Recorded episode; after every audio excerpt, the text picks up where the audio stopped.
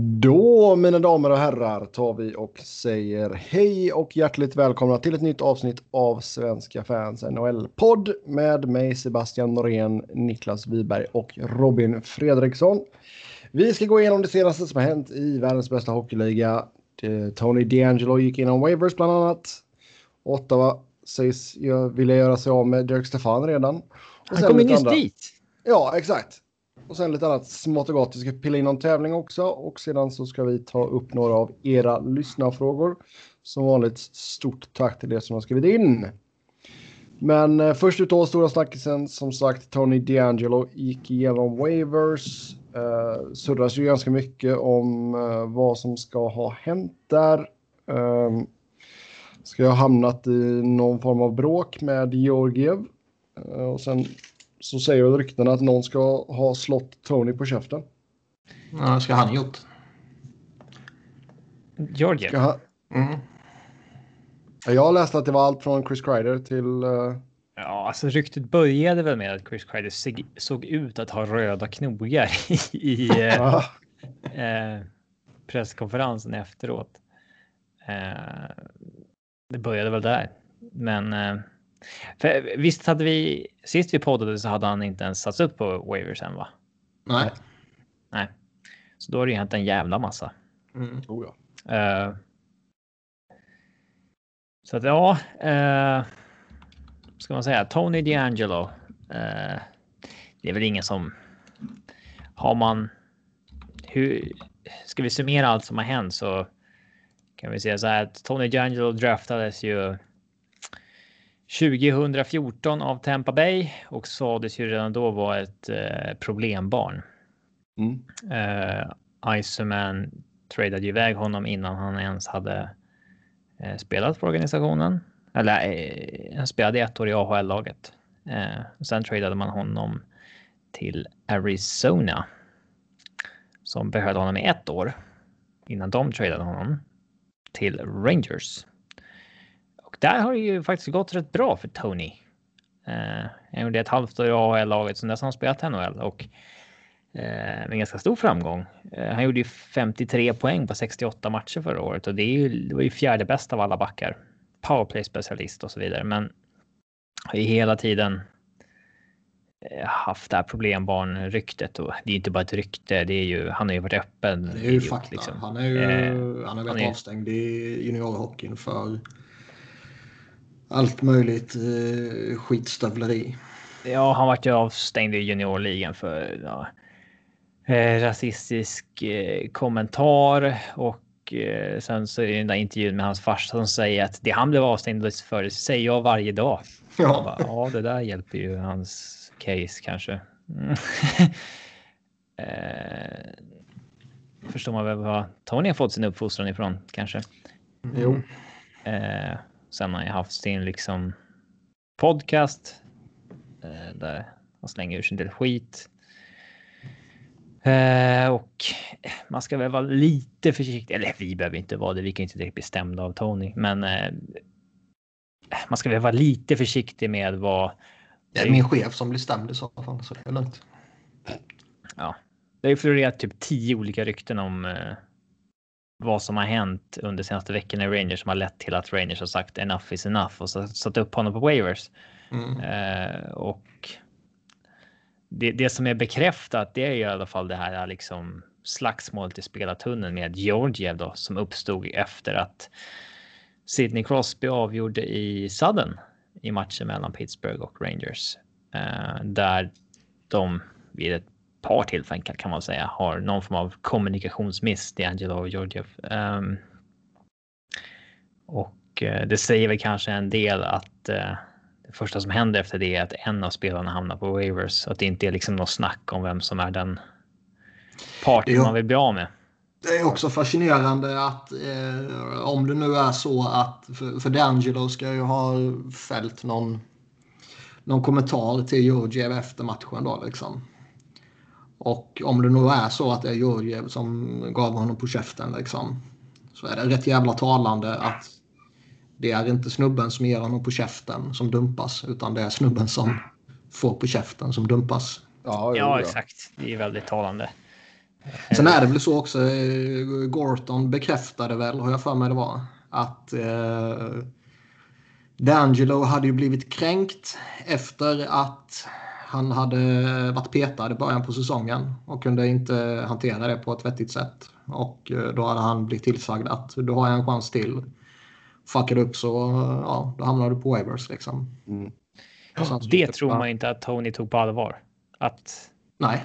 Han tror nej, inte nej, att han var tillräckligt dålig för att hamna på waivers. Och mm. det är ju rätt otroligt egentligen. Att en kille med så mycket poäng eh, alltså kan sättas upp på waivers överhuvudtaget och eh, sen dessutom inte ens bli plockad.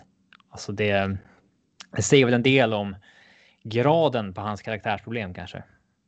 Ja, och sen, alltså, sen är han väl kanske... Det finns väl också en, en viss lönetaksfaktor som påverkar givetvis. Ja, exakt. Ja, fast fjärde mest poäng av backarna i ligan förra året och har bara kontrakt över nästa år. Men jag tror bara det är en handfull lag som har uh, plats med honom. Ja, visst. Men... Mm. Däremot så är jag lite förvånad. Alltså... Uh, vad ska man säga? Uh, man... Å ena sidan så är han ett sånt jävla problem att plockar man in honom så kommer det ju bli kaos. Liksom. En stor del av din supporterbas kommer ju gå bananas för att du tar in honom. Liksom. Mm. Um, samtidigt är jag lite förvånad att liksom, vi har ju återkommande sett i hela ligan att och inte bara i ligan, andra idrotter också. Att de skiter fullkomligt i vad det är spelarna har gjort så länge det är en duktig spelare. Och... Ja, lite så i alla fall. Han... Jag, tror, jag tror ändå att Slava Vojnov hade spelat i NHL om det inte var för ja, hans skandal. Ja, det var ju myndigheterna som stoppade honom i princip. Ja, ja så är det väl.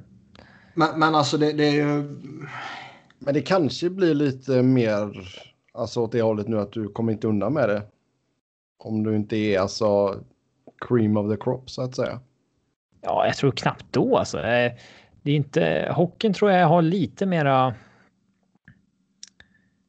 det är lite mer att säga ifrån inom hockeyn faktiskt än vad det är verkar vara inom typ de andra amerikanska sporterna där vissa eh, med grovt kriminellt record får härja fritt liksom. Oh ja.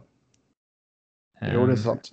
Det går ju spekulationer om att några lag ska ha något form av intresse i alla fall eh, kring D'Angelo. Då nämns Detroit, Calgary, LA och Anaheim. Mm. Men som sagt, alltså, det är, plocka in en sån spelare, alltså, det, är, det är ingen bra look alltså. Nej, det verkar ju inte vara en kille du vill. Eh, alltså, det verkar inte vara en kille du vill ha runt ditt lag. Alltså, Nej. han har ju liksom mobbat lagkamrater och uh, sådär på. Uh, han verkar vara en usel människa att ha att göra med. Uh, rykten om, om uh, Kendra Miller också. Mm. Där vet vara... vi, det är, ja, det är ju rykten så att säga. Där det... Ja, och klubben förnekar det. Men de, de ja. går in i någon form av damage control mode. Så de kommer ju bara försöka skydda dels Miller men även skydda liksom, om man nu anser att man har någon form av asset i D'Angelo.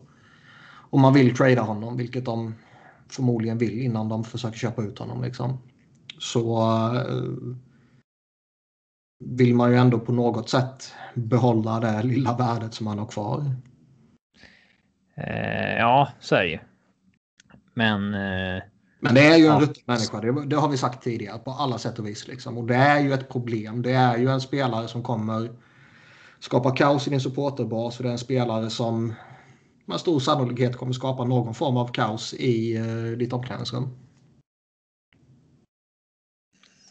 Eh, ja, så är det mm. Och även så här, till exempel Iceman som eh, GM i Detroit som faktiskt var den som dumpade honom från Tampa från början, men ändå var han som draftade honom i Tampa också. Mm. Ja. Uh, som då sägs vara intresserad. Skulle Iceman vara villig att man skulle kunna säga så här att han. Han kanske går till uh, Rangers och säger ja, jag kan ta D'Angelo från er lönelista om ni ger mig det här och det här också. Mm.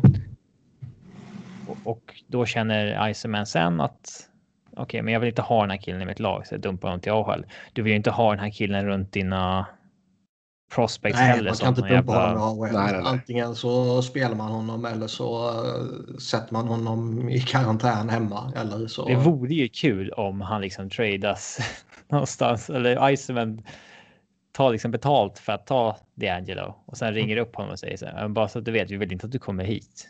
Nej, Nej exakt. Och inte rapportera. Liksom. det, det, det, fin, det finns ju lite olika anledningar man kan trada för honom. Och en anledning är ju för att man liksom vill ha en 53 poängs eh, spelare. Om man nu tror att han fortfarande är det. Alltså förra säsongen kan ju ha varit en, uh, ja. ja. en one hit wonder på, på den ja, höga nivån. Ja, han, han, var ju bra året innan också men... Jo, men inte på de eh, extrema siffrorna. Ja, men det är lite som Erik Gustafsson, hans säsong i Chicago liksom. Ja. Det finns, det verkar ju dyka upp lite sådana här backar nu som kan göra de här äh, sjuka poängsäsongerna, men som kanske inte har det i sig att göra det kontinuerligt. Sen är det ju en fruktansvärt endimensionell spelare. Ja, det är också ett problem. Hade han varit den här Slava Voinov-typen som faktiskt var eh, bra åt bägge hållen. Mm. What the fan, alltså. Mm. Men som sagt, man, man kan ju trada för honom för att du vill ha en potentiell toppback. Du kan ju trada för honom för att du vill ha assets i prospects eller picks eller uh, göra någon annan lönedump och sen så liksom ja, säga åt honom att sitta hemma. Och uh,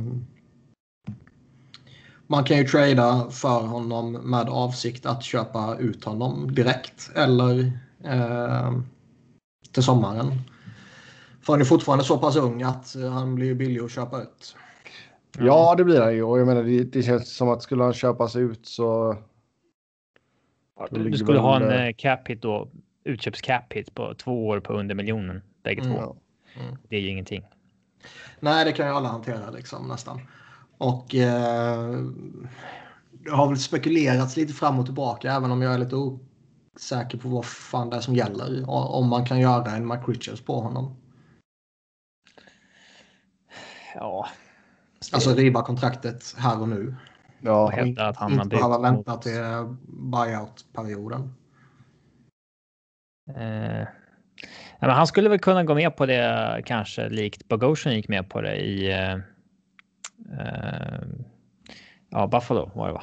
Mm. Eh, men då måste ju spelaren gå med på det. Jag vet inte fan om Tony D'Angelos ego går med på det. Ah, ska, man ska komma ihåg att han har inte tjänat så mycket pengar heller. Men alltså det är ju en alltså, Estimated career earnings är 3,9 miljoner. Ja, alltså ja. han vill nog ha det här. Det här kontraktet kommer ju vara det bästa han får. Mm. De här två åren med lön. Alltså han, de, det vill han ju nog inte bli av med alltså. Nej, men samtidigt alltså köps han ut i sommar så får han ju inte allting heller liksom. Uh, men skulle han köpas ut så känns väl KHL ganska nära annars. Ja, kanske det. Om han kan tänka sig att flytta till... Uh... Ja, eh, han känns ju så han... långt bort ifrån att göra någon så här renässans att säga att ja, men jag börjar gå i terapi och se över mig själv. Och, alltså ja, så här, nej. Det... nej, men alltså det, han har, har inte han snackat lite skit om Ryssland? Han har väl... Eh... Donald Trump är hans idol och Donald Trump gillar Ryssland. men han har, har han inte pratat lite och nu kanske man är ute på djupt vatten, men jag har för mig, jag har läst att han har pratat lite om att han är kritisk till att så många kommer hit och spelar, eller ja, kommer till Nordamerika och spelar hockey utomlands liksom. Eller vad fan man säger, det lät jävligt flummigt. du menar att så många, så många utlänningar kommer till NHL och spelar hockey? Ja. ja. Jag vet inte. Men uh, KHL skulle väl, där skulle han väl välkomnas tror jag. Uh, jag tror ju å, en, å ena sidan, som lite som vi var inne på tidigare, så liksom att han bara går igenom waivers eh, borde kunna vara någon sorts indikation på att lagen inser vilket trubbel som följer med honom. Både på och utanför isen, både inom spelartruppen och PR-mässigt. Mm. Um, men dels så är jag också övertygad om att det finns flera lag i ligan som är redo att ta in honom om man får någonting för det typ. Alltså Rangers får pröjsa. Alltså då kan man ju rättfärdiga det. På ett annat sätt. Då kan man ju hoppas att han skärper till sig liksom. Uh, Fan om man kan rättfärdiga det. Ja, det är nog lättare i alla fall. Mm. Iceman skulle ju kunna rättfärdiga. Alltså, får de ett första var för att ta honom. Det, det går det beror ju på, vad man, ja, det beror på vad man gör med honom. Mm. Sen är det väl alltid en sån här faktor liksom. Eh, ska man liksom bli puttad för evigt? Ja. Hur långt record har D'Angelo med skit? Ja. Det är några år nu. Ja, eh, samtidigt så var han ju accepterad för två veckor sedan. så, länge han, så länge han har varit bra har han varit accepterad. Det var ju när han blev dålig som han inte blev accepterad. Ja. Mm. Ja. Rangers har ju liksom, de, är, de är promotat hans podcast håll på. Alltså. Det är så absurt. Ja. Ja, de säger ju att han, hans uh, social media posts inte uh, liksom påverkar det här beslutet. Och det, det, det kan kanske är någonting man säger de, bara. De... Liksom. Men man, man, man, kan ju inte bara bortse från det heller. Han skadar ju deras varumärke. Ja, men samtidigt så har de ju liksom. De har ju promotat hans social media. Liksom. De kanske ja, inte har problem med det. Det är helt galet. Det... Så att, ja. nej, de, de kanske gillar honom. Det, Sen har har ju fortfarande briljanta burner-account också. Ja, alltså det är ju faktiskt helt stört, eh, hans burner-konto. Alltså, det uppdagades ju att... Alltså, det är 99 procent så att det är han bakom det här kontot. Ja. Det kan ju vara någon som trollar också. Ja.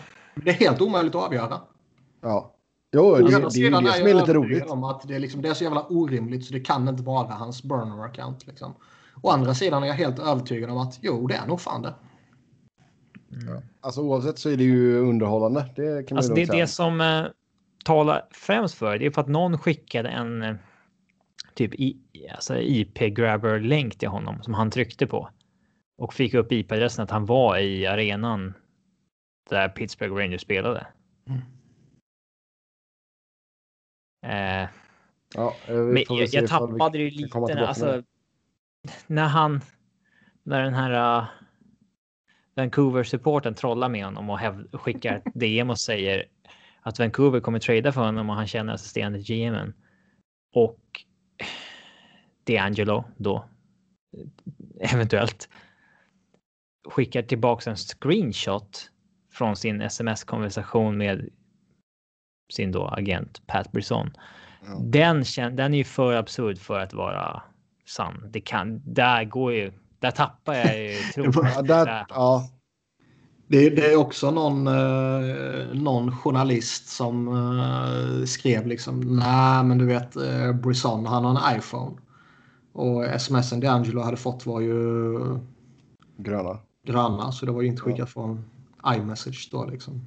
Ja, eh, varför skulle deras sms-konversation vara tom utöver det? Ja. ja, det är sant.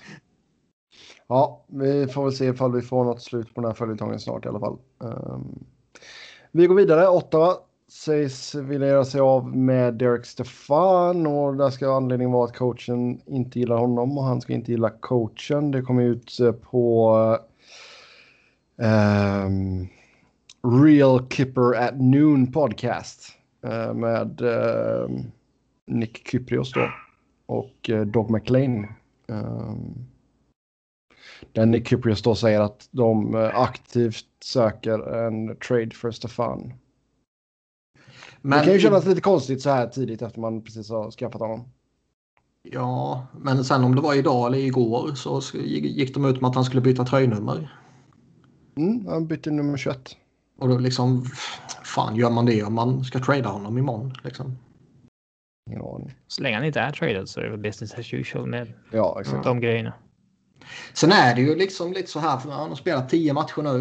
Uh, Å ena sidan kan man ju kritisera för att man inte ger det en ordentlig chans. För tio matcher är ju inte en ordentlig chans. Liksom.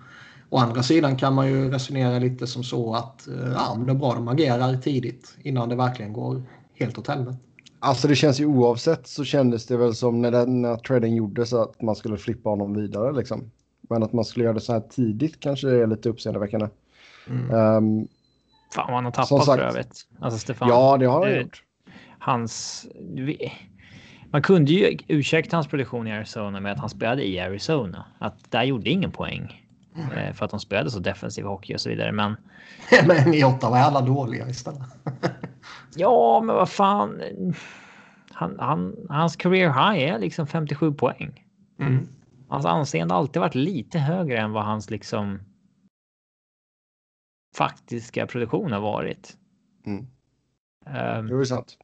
Han kommer uh, inte vara i närheten av att få ett sånt där kontrakt igen på 6,5 miljoner. Nej, exakt. City på en capita på 6,5 nu, men vi pratade om detta när traden skedde, att Arizona betalade ut hans sign-on bonus på 3 miljoner, så han har ju bara 2 miljoner i lön denna säsongen.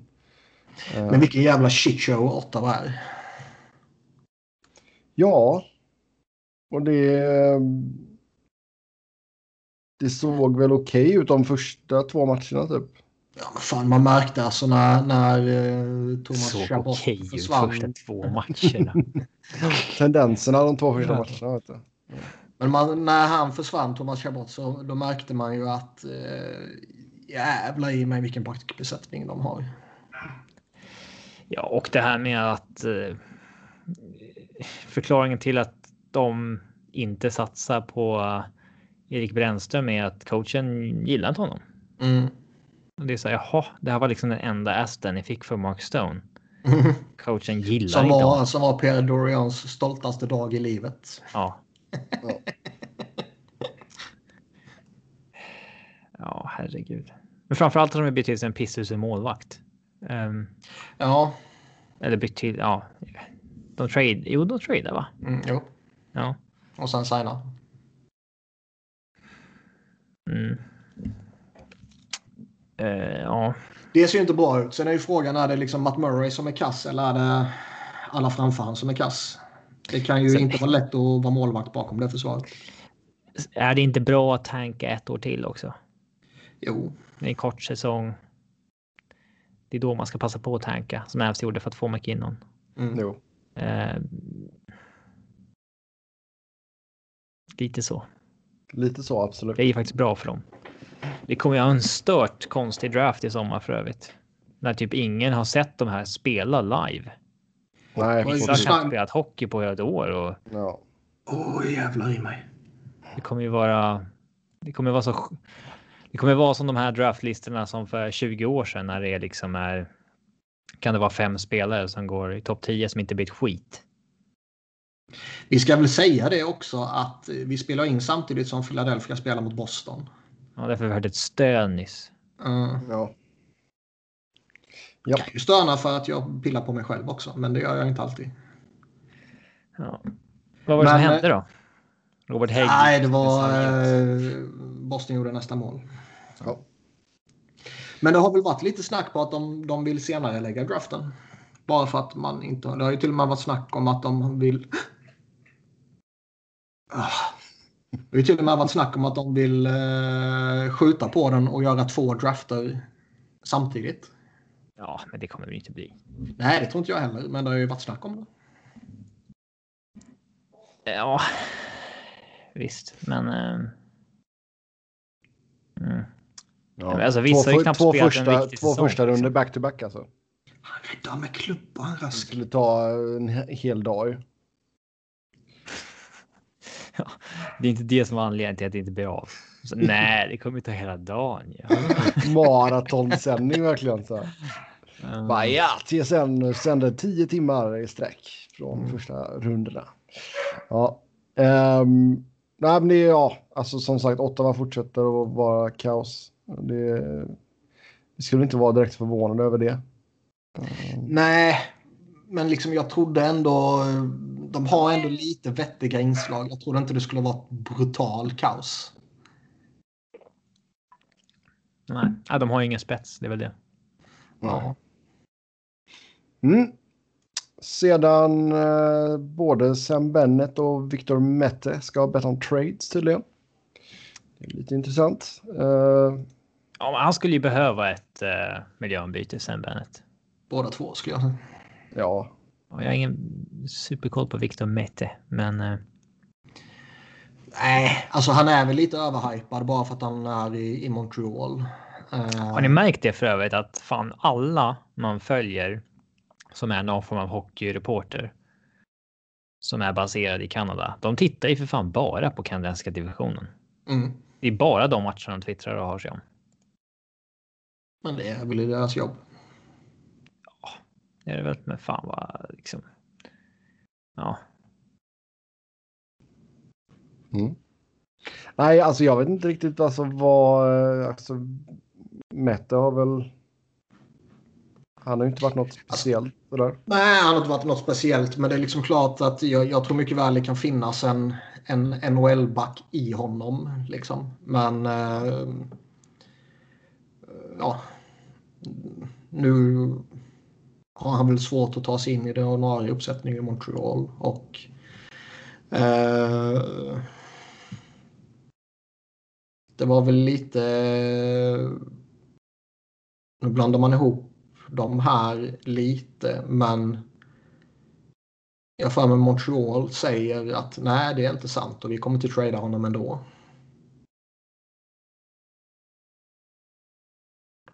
Och man får väl se vad, vad det tar vägen. Men att han vill ha en ny, eh, ett nytt miljöombyte för att liksom komma in i ligan igen. Han har ändå varit mer eller mindre ordinarie tidigare och uh, kunna få ett lyft. Det, det kan man ju förstå. Bennet har det ju pratats om till och från. Och han har ju inte fått något lyft. Han var ju direkt dålig förra året till och med. Mm. Hans bästa säsong är fortfarande hans rookie-år. Liksom. Mm. Det är inget bra tecken. Nej, det är det inte. Jag vet inte, för några år sedan skulle det ju varit en sån där spelare som man kanske skulle varit lite sugen på att testa. Men vet fan. 24 bast nu liksom. Um, Kommer från 52 matcher och 12 poäng förra året. Gjort en assist på nio matcher här nu. Och som sagt, eh, rookiesäsongen rookie-säsongen 15-16 är hans bästa. Det är fan ingenting man vill betala för alltså. Nej, det är ju en tredje liner med lite liksom. Eh, ja, lite mean streak och. Eh, har, väl det mesta lite sådär, men det är ingen spets. Så. Mm. Det är, en tredje lines uh, grinder. Som kan göra 30 poäng eller dylikt. Ja. Ja, sen har det varit uh, smittspridning i New Jersey, Buffalo, Colorado och Minnesota. Så vi har fått en hel del uh, matcher som har blivit um, postponed, um, uppskjutna. Ja, mm. jag kom, kom, på det där. Uppskjutna. Det verkar som att sakerna verkligen kukade ur mellan New Jersey och Buffalo. Där eh, ja, man det spelade match med typ påbörjade smittspridning i New Jersey. Mm. Så Sabres är ju skogstokiga och där har ju Raffe Kryger blivit smittad också. Och han är väl inte i en riskgrupp så, men han är ändå lite till åren kommen liksom. Mm. Ja. Och eh, Avs Minnesota spelade mot varandra också och det när en av spelarna var på covid protocol eh, som plockades av efter första matchen. Då. Och sen har det lett till att fem gubbar i Minnesota och två i Colorado. Eh, ja, så att vi. Jag har sett mycket liksom kritik mot ligan här att liksom de får komma på ett bättre protokoll för att det inte ska smitta på isen och sådär. Men alltså, Ja, Hur fan ska man göra det? Antingen Nej. får man ju ställa in. Eller så får man acceptera att ja, det kommer fortfarande kunna smitta på isen när vi spelar. Det, det, ja, det enda man kan göra är ju att försöka minimera uh, utanför isen. Liksom. Ja, det är ju liksom hur... Uh, det har de ju gjort. Alltså, de får inte ens hänga med varandra på hotellet. Mm. Nu, de har ju tagit bort plexit bakom uh, båsen nu också. För, för att, att ge det lite mer luft eller vad? Ja, och jag tror de ska sätta in lite mer ventilation och sådär också. Mm. Men domarna kommer ju fortfarande ha rätt att ta utvisningar för uh, delay of game om man flippar pucken ut i båset. Och domarna med sitt ögonmått avgör att den skulle gått utanför eller ovanför plexit. Det är ju inte alls upplagt för kaos där. Nej då. Kan man inte bara sätta ett nät istället då? Ja. Jag får mejla Batman. Ja, det tror jag det Gary.batman at nhl.com. Ja. Det måste ju vara hans adress ju. The Commissioner. The, commish. The Commissioner at nhl.com. Ja, exakt. Uh, ja. Nej, men alltså det, jag tror Toronto hade väl satt upp uh, någon ny test, alltså sån här rapid teststation också. Och sen hade de um, Ingen Men de verkar inte köra det ingen, i, i, i, ligan. Alltså... Ingen får, vara, ingen får vara på arenan före 1.45 innan nedsläpp nu tror jag det var. Nej, det protesterade spelarna mot. Så det tror jag de, uh, vad hette det, släppte så att säga. Mm. Men... Uh, så, några säger också att så här, de, får, de får gå tillbaka till en bubbla som funkade. Men då var man ju mitt emellan vågorna av eh, viruset. Mm. Ja, det var ett mer gynnsam situation. Med och det var ett slutspel bara. Ja. Spelarna skulle aldrig gå med på att ha en bubbla i fan fem, sex månader. Nej, nej. Det, det, är inte, det finns inte en chans. Nej.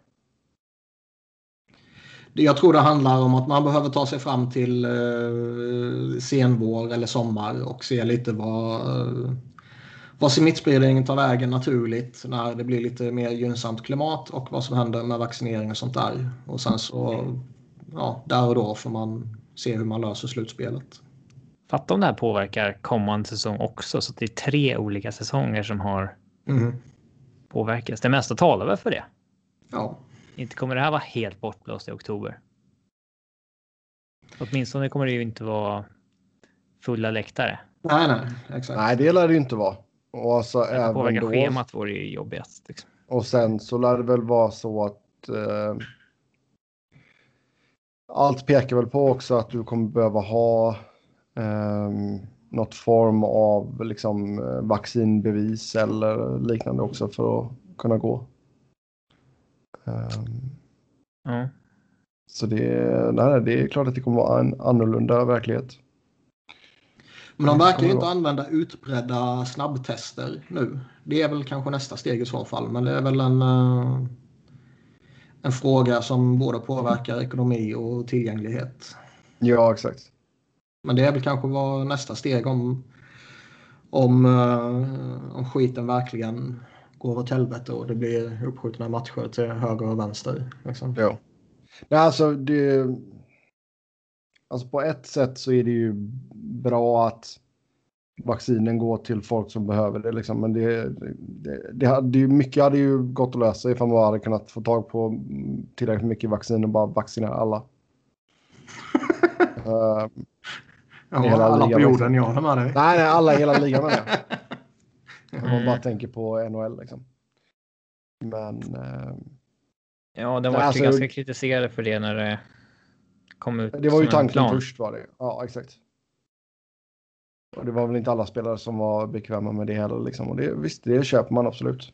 Och sen, sen är det ju fortfarande väldigt olika från delstat till delstat. Um, här i Ohio där jag bor. Där, uh, där är man ju inne på typ 70 plus tror jag nu. Ja, i Sverige så var det mycket trögare än så. Så det, det går ju inte fort direkt. Eh, Medan andra delstater har varit lite mer heta. Ja, eh, Matthew Kachuk ska ha blivit eh, kränkt för att ingen lagkamrat stod upp för honom när Jake Massin flippade pucken mot honom efter slutsignal. Han blev ju skogstokig där när Massin eh, det är ändå en, en fascinerande situation. Maskin flippar pucken mot honom lite lätt sådär. Ja, uh, och Fatchak blir, blir galen och går efter honom och ingen följer med honom och backar upp honom. Typ, liksom. Sen ska ju då tydligen Flames ha hållit ett, uh, ett players only meeting. Där han ska ha lyft det här problemet. Att ingen backar honom. och då är det ju någon som ska liksom sagt, men vad fan, vi kan inte göra så här varenda jävla match. Nej, exakt. Och nog för att man gillar honom, liksom, skulle han spelat i ett lag som man möter flera gånger varje säsong, då skulle man ju hata honom ju. Men nu när jag ja. följer Eastern och han är i Western så... Du hade ju älskat honom med ditt flyer alltså. Oh ja, oh ja. Um, men det är ju liksom lite, ska han hålla på så som han håller på, då måste han ju fatta att då kommer du få möta skit dag ut och dag in och du kommer få möta skit på egen hand. Du kan inte hålla på som du gör och förvänta dig att dina lagkamrater ska komma till din undsättning varenda jävla gång. Nej. Ja, och eh, kulturen inom hockey är ju liksom under förändring. Mm. Det är inte samma grej som det var förr. Liksom. Eh, på gott och ont. Det kan ju ibland vara kul att se en kille som Kachak, förutom att han alltid tuggar på sitt munskydd. Eh, ja, det gillar inte du. Hela tiden. Ja. Alltså det gör, han har ju inte ett punchable face utan det. Men sätt dit munskyddet i mungipan på honom så... oh. Jag kanske doppar det lite maple syrup innan. Mm. Eh. Nej, men alltså det är alltså, jag menar, jag tycker inte det som Massen gjorde var något att bli skogstokig över heller liksom. Ja, det är klart man blir det om någon flippar en puck mot en. Ja. Men minns ni när, minns ni när Daniel Alfredsson eh, eh, skjuter ett slagskott på Scott Niedermayer eh, under finalen mellan Anaheim och Ottawa? Nej, det kommer jag inte ihåg så här på rak arm. Okej. Okay. Affe kommer upp med puck genom mittzon. Han ser att det är två sekunder kvar på klockan. Han tänker dra ett skott mot mål. Avbryter och riktar istället skottet mot Niedermayer och skjuter pucken rätt på honom. Mm. Eh, och sen så går perioden slut och sen så säger väl någon av dårarna i Anaheim på den här tiden kan det ha varit. Eh, vilka fighters hade de 2006? Brad May. Ja, eventuellt att. Eh, Niedermayer-Boden var väl Att eh, vi går efter honom i tredje och Niedermayer säger nej, det gör ni inte. Vi har dem exakt där vi vill ha dem. Mm. De är skitfrustrerade, vi är inte det. Liksom. Mm. Eh, nu ändrar vi inte på det. Liksom. Eh, det är ju bra. Det är klart att man blir tokig om man, man får ett skott på sig. Eh, men ja, Kachak. Ja, som sagt, eh, jag tycker inte det var så farligt. Men, yes, eh, ska vi se då. Då var det tävlingsdags. Ja. Borde ha någon sån här liten jingel egentligen på detta. Nej, Micke ska aldrig orka klippa in det. Jag kommer inte klippa in något sånt jävla. Nej, jag vet. Då får vi tvinga Robin att sjunga en jingel mm. varje avsnitt. Ja, ja det är nog mer troligt. Att, ja. uh... Du får lära dig att spela sån här ukulele. Ukulele. så får du spela en liten jingel så. Nu är det tävlingsdags. Ja, visst. Är det någon som har någonting planerat eller är det på uppstuds som gäller? Eh, jag planerar att ha någonting på uppstuds snart. Du planerar att ha någonting på uppstuds snart, okej. Okay. Ja, det är bra. Eh, ja, jag hatar det... NHL.coms jävla liksom filtrering av statistik och skit. Så jävla usel. Eh. Den är usel på alla sätt och vis, framförallt de svenska skribenterna. Jättebra hemsida. nhl.com sb. kan man gå in och läsa. Hur får man liksom ens fram målvaktsstatistik? Det är så jävla irriterande. Du går till stats och sen så klickar du på goalies. Ja, just det. Du kan inte vara på... Ja. Varför finns det inte bara bland positions istället? Då hittar man liksom bara backar och forwards. Ja, de har skaters på en och så goalies på en. Ja, jävla beteende. Uh, ja, det jag tänkte ta var man har aldrig papper och penna förberett. Det är ett stort problem. Jag får skriva på, här är redan skrivit på. Bostadsrättsföreningens årsredovisning. Jag skriver på. Ja, den behöver man inte spara. Ja, det är en ganska ny bostadsrättsförening. Mycket lån och sådär. Eh, ja, men jag har ett block här. Bra. Pennan från företaget jag jobbade på som konkursade 2019. Nej, det är inget, det är torrt bläck i den. Det kan man ge sig fan på. Ja. lika förberett som vanligt. Är det någon av er som har någon tävling förresten? Jag har en. Uh, jag fortsätter på den här inslagna vägen med uh, poängligorna och grejer. Så vi kör Ryssland idag. Jag tror att vi liksom har. Vi har ju säkert gjort några av de här några gånger. Alltså. Mycket, mycket möjligt. Här har vi en bra penna. Okej, Ryssland. Då ja, säger vi, jag... kör, vi kör topp 20 Ryssland, då, för då är vi över 500 poäng. Genom tiderna i NHL? Ja. Poäng? Poäng. Topp 20 har över 500 poäng. Så har du alla topp 20 Menar du att cutoffen går vid... Är det bara 20 stycken som har gjort över 500 poäng? Ja. Exakt? Okay. Ja. Okej. Okay. Eh, jag börjar med att säga Alexander Ovechkin. Ja, första plats. 1286 poäng. Kan ni ta dem i ordning så är jag ännu mer imponerad. Malkin säger då. Malkin i trea, 1081 poäng. Då säger jag Sergej Fjodorov. Ja, tvåa på listan, 1179 poäng. Inte hans bror, Fedor Fjodorov. Datsjuk. Ja, det är Malmö sen va? Mm. Pavel Datsjuk sexa på listan, 918 poäng. Hade inte han en jävla kvalserie eller något sånt där har jag för mig? Ja, något med Malmö tror jag. Ehm. Datsuk hade kunnat spela om det inte hade varit för att Niklas Wikegård inte blev såld på honom när Håkan Andersson ringde och erbjöd honom. ja. Nej, han var, det är Ryss med för tunn för att spela i ryska juniorlandslaget. Nej, tack men nej tack. uh, mm. Ja, eh, Kovacak då? Ilja Kovalchuk, sjua på listan, 876 poäng. Då tar jag Sergej Zubov. Sergej Zubov, 12 på listan. Den ska du hålla lite på tycker jag. 771 Nej, poäng. Han är fan household. 405 är kvar. Uh, ja.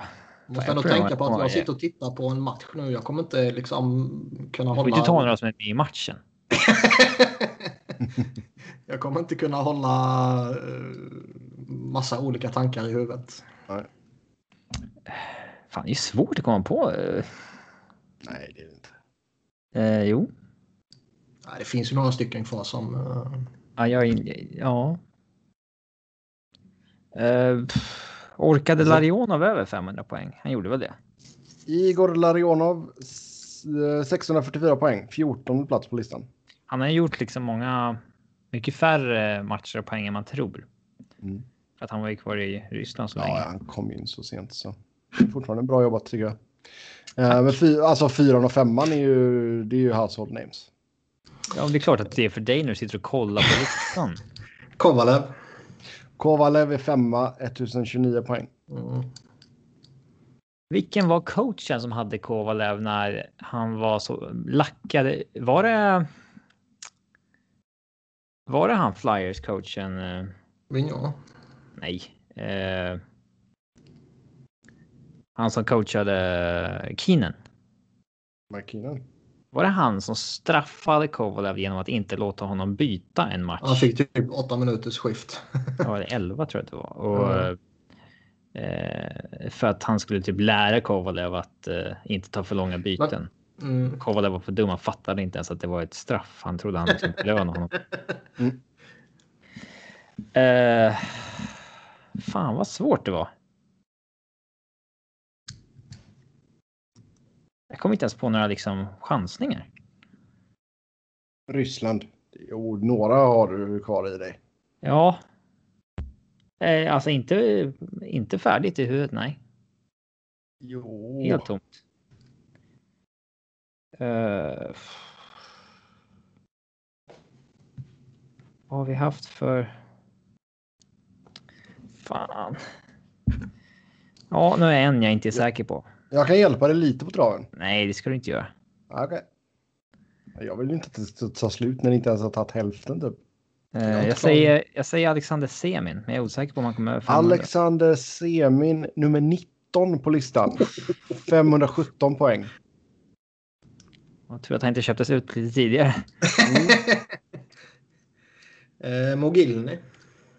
Alexander Mogilny, fyra på listan, 1032 poäng. Jaha.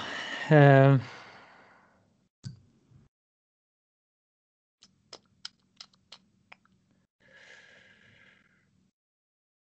Varför har jag så svårt att komma på de här?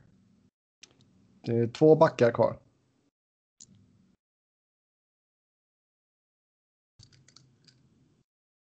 Två backar? Mm. Över 500 poäng? Ja.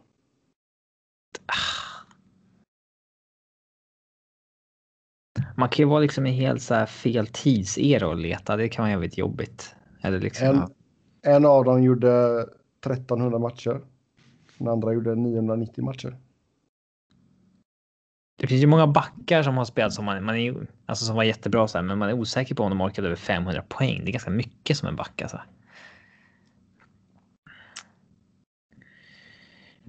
Jag måste i alla fall komma fram med en chansning. Jag har inte ens ett namn. Jag har inte ens en sån på lager. Det är ju svagt. Uh... Folk sitter och bara skriker namn nu. ah. Nej, jag tror att de känner sympati över att det här är ganska svårt. Nej, det tror jag inte. Nej, vad fan.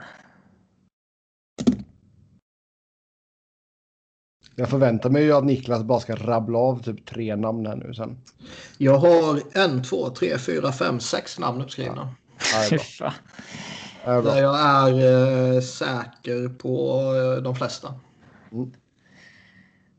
Varför var just det här så svårt? Jag brukar ju vara ganska bra på sånt här. Jag vet inte. Eh, Ryssland, är det din akilleshäl här nu då? Ja. Tappa titeln Rysslands expert. Mm. Nu får, ja, exakt. Ja, nu får vi faktiskt ta och be om ett svar. Jag har ingenting på lager som kan räknas som en chansning ens. Eh, Koslov kanske jag säger då. Jag vet inte. Koslov, Vacheslav Koslov. Åtta på listan, 853 poäng. Var det så mycket? Mm. Han har en brorsa som gjorde ganska lite poäng.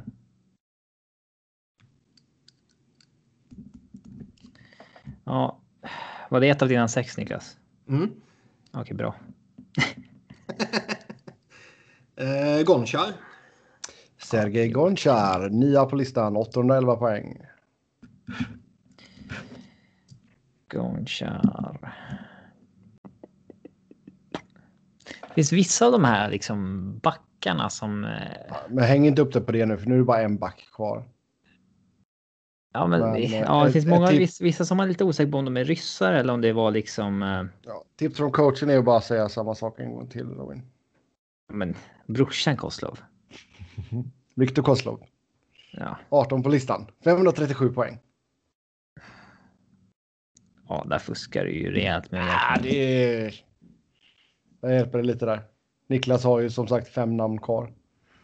Hur vet du det? Han kanske var ett annat namn. Det var han inte. Nej, det var han faktiskt inte. Nej, det var jag är lite förvånad han är eh, så högt upp. Han gjorde 897 matcher. Så jävla mycket ändå alltså. Ja. Ja, ja, Markov. Markov, det är alldeles rätt. Andrej, Sista backen. Fem, 15 plats där ja. 542 Nej, Danny menar jag. Ja, exakt. Han var väl inte ens ryss egentligen, eller? Han var väl faktiskt kanadensare? Danny Markov. Danny Markov var ryss. Var han det? Mm.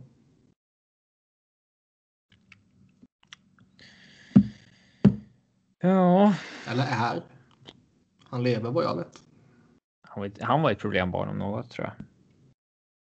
Han var ju rätt, jag tror han uh, drack och uh, lite sånt där. Rökte. Helvete gjorde han i alla fall. Han drack och... Mm. Mm. Ja. Robin, har du några mer chansningar? Kucherov. Nikita Kucherov, 17 plats, 547 poäng. På 515 matcher. Vilken liksom turnaround. Ja. Ja. Pavel Bure. Pavel Bure 11 på listan, 779 poäng på 702 matcher. Ja, jag gissar inte på hans. Det här kan vi säga en som inte gjorde så många matcher som man trodde att han skulle göra. Ja, det är ganska household att han inte gjorde så många matcher dock. Mm. Men en shitload med poäng. Ja. Vi har ändå tagit 16 av 20 nu utan att råka ta en utanför topp 20. Det är ganska starkt. Mm. Hans brorsa gissar jag inte på. Nej, det är, det är bra. Gör inte det. Uh, frågan är om man ska krysta fram någonting som spelar just nu. Kan Panarin ha hunnit upp till 500? Det känns inte så alltså. Nej, det kan han inte ha gjort. Tippa att han har 350 på oh! 380 matcher eller någonting. Um... Straff. Straff. Joel Farabee. Ja, gör mål nu. Exciting play in hockey. Gör mål nu Farabee, jag behöver det. Han är inget fantasy-lagsnack nu Sebbe. Ja, det är fan. Det ska vi inte göra. Där får vi inte hamna. Ge mig en chansning nu. Ja, jag måste ta en ryss som är aktiv då. Uh, det måste du inte. Nej, nej, men ja, tack för hjälpen igen, men jag... Ah! uh, men, uh. Aktiv ryss, aktiv. Det känns som det är den lådan man inte har letat tillräckligt i bara. Nej, vi har tagit alla bra aktiva. Tarasenko då? Kan han ha kommit upp i 500? Nej, det har han inte. Tarasenko är 23 på listan med 428 poäng på 507 matcher. Panarin är 22 på listan med 430 poäng på 401 matcher. Ja. Eh, nummer 10 var Alexej Yashin jag är inte klar än. Jag hade han uppskriven. Ja. Han var jag säker på. Ja, det eh, vet jag. Den sista jag har uppskriven är eh, Kamensky. Som jag inte är säker på, men som han borde nog kunna slått in. Nej. Valery ja, Kamensky. Mm, nej. Han var cool. Jo, för fan, nummer 20. Förlåt. Vad är det här för någon jävla lekledare? Förlåt, förlåt, förlåt. Tänk om jag skulle sagt han mycket tidigare. Ja, ja, det saknar liksom... Ja, förlåt, han är nummer 20. Två fem, namn fem... och Sebbe säger nej när ett av de rätta kommer upp. Ja, exakt. Jag, koll, jag satt och kollade på... Uh, jag satt och kollade på Alexis Shitnik. Um, Kamensky nummer 20, 501 poäng. Um, ja, Vilka saknade vi då? Vi, vi missade... Alexis Chamnov, 13 plats. Ja, den tar man inte. Sergej Samsonov. Nej, den har jag definitivt trott var utanför. Och sen eh, Kamensky då. Alexej Chamlov kanske man skulle kunna verkt fram med tanke på att han gjorde en väldigt kort period i Flyers. Men eh, då skulle man nog få tänka betydligt mycket längre. Mm. Ja. Så, så var det med det. Valery Bure gjorde 621 matcher och 400 poäng. Så pass mycket ändå, okej. Okay. Mm. Mm. Det är en klart längre karriär än Brorsin. Eh, ja, då tar vi min quiz. Och eh, då vill jag veta vilka 20 ishockeymålvakter som har vunnit flest matcher post lockout 2005. Uh, Martin Brodeur. Han är med, tror jag. Ja.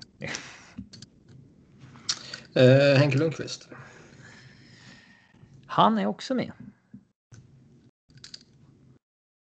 Um... Fan tänka efter nu. Mark-André Fleury. Nummer uno på listan. Yes. Muff. Muff. Efter Muff säger jag Price. Ja. Det är lite klurigt där. Vissa kan ju spela till ett lag som, alltså de kanske, vissa har gjort 60 matcher per säsong och vissa har gjort 50 liksom och vissa ja. eh, gäller att vinna sina matcher och sen så ja, spela till ett lag som har faktiskt vunnit en del. Det är bra. Mm. Post-lockout. Uh, Sebbe, vad kontrar du med? Jag får ju säga Tucka. Tucka Rask. Ja, jag kan avslöja Niklas att det är ingen idé att du letar i någon flyerslåda här inte.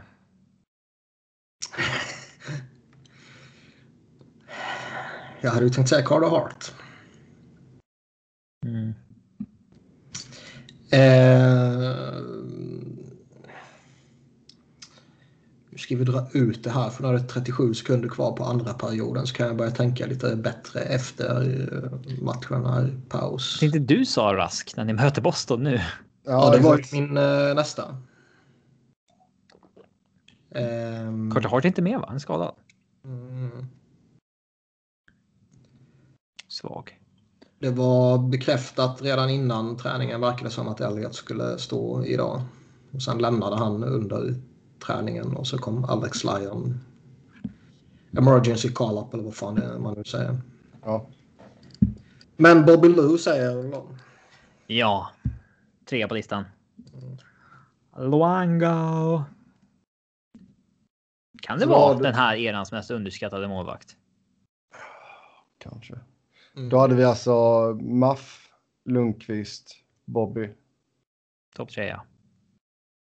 Uh, Utöver det han nu sagt, Brodör, Price och Rask. Okay. Uh, Bobrovski. Rob. Oj. Ja, han är med, men det är fan på håret kan jag säga. Uh, Rinne. Ja, det var inte lika på håret. Sens lockout. Äh, då måste ju fan Jonathan Quick vara med. Alltså, vi snackar lockout 2005 här, inte 2013 som ni vet. Um, och ja, Jonathan Quick är med. Åtta på listan. Så pass högt ändå. Ja, faktiskt. Eh, vad har vi mer? Jag har ju... Han borde vara safe. Ja, Miller. Fyra på listan. Ryan Miller. Han var ju eh, tog etta i Buffalo ganska länge. Ja. Och, mm. ja. Men. Uh, ja, det här kanske är fel, men Corey Crawford. Uh, ehm, 18 på listan, så ja. Mm, det var ju mitt nästa namn. Nej, vad fan ska man gräva fram nu? Uh... Alltså är det någon som är lite så här halv... Som man bara aha. Jimmy Howard. Jimmy Howard är ju nummer 20 så att ja. Mm. Jag säga så här. Brian Elliott. Två matcher efter Howard. Åh oh, jäklar. Ja. En match efter om vi räknar dagens match. Får se.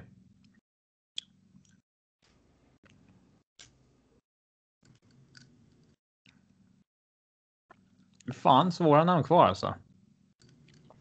Inte de jag hade tänkt på första taget. Förutom två kanske. Mm. Cam Ward. Ja. Han är överst av de vi har kvar. Nummer sju på listan. Sju ändå alltså? Ja. Han har stått en jävla massa matcher va? Ja. Ja, vi kanske skulle gjort listan efter Games Played istället. Nabokov måste vara med ju. Nope. Nej. 24 på listan. Jaha. Bäckström. Ska jag eh, smasha nope. hem den nu då? Kiprusov. Kiprosov är med, ja. Men du kan ju inte sitta och slänga ur dig 50 namn. Jag, Jag skulle, fortfarande, jag skulle fortfarande säga ett för att vinna eller? Nej, du har ju sagt ett mer redan. Bra. Ja. Men- ja bra. Men eh, det översta Kari namnet ni missar, det är ju faktiskt nummer nio på listan och den är oväntad. Det är Kari Lehtonen. Ja, ja. Sen har vi 12 Braden Holtby. Det är ganska högt upp. 13, Han skulle den trodde jag ni skulle ta. Det är Craig Anderson. Eh, 15 var Kiprosov. Eh, 16 Halak. Den hade inte jag gissat på. Vi har ju snackat om att han är underskattad, men att han. Eh, han har liksom sällan varit etta. Mm. Ja, exakt. Eh, Mike Smith är 17. Han har ju i princip stått. Alltså, han har ju varit med varje år sedan. Ja, jo, det är sant. Eh, Dubnik är 19. Eh, Den är också otippad sen Howard nummer 20 då. Målvakter som man hade kunnat gissa på som är precis utanför. Det är ju Varlamov, eh, Ben Bishop, eh, Tim Thomas kanske. Eh, ja, Corey Schneider. Corey Schneider är liksom 37. Mm. Ganska kort peak Schneider. Ja. Mm.